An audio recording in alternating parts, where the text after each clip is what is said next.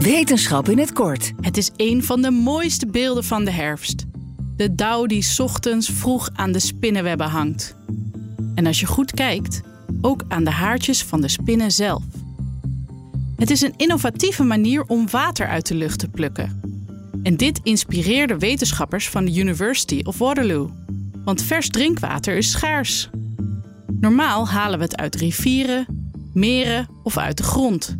Maar wat nou als we net als spinnen het water uit de lucht kunnen plukken? Wetenschappers ontwikkelden superhydrofobic en waterproef papier waarmee ze water kunnen oogsten uit de lucht, precies zoals spinnen dat doen. Als dit papier op grote schaal geproduceerd kan worden, kunnen we water uit de lucht halen op een goedkope, energie-efficiënte en milieuvriendelijke manier. Wil je elke dag een wetenschapsnieuwtje? Abonneer je dan op Wetenschap vandaag. Luister Wetenschap vandaag terug in al je favoriete podcast-apps. Ik ben Sylvia van Solft. Betaalt u te veel huur of huurt u te veel kantoorruimte?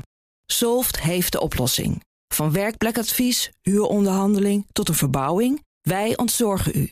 Kijk voor al onze diensten op soft.nl.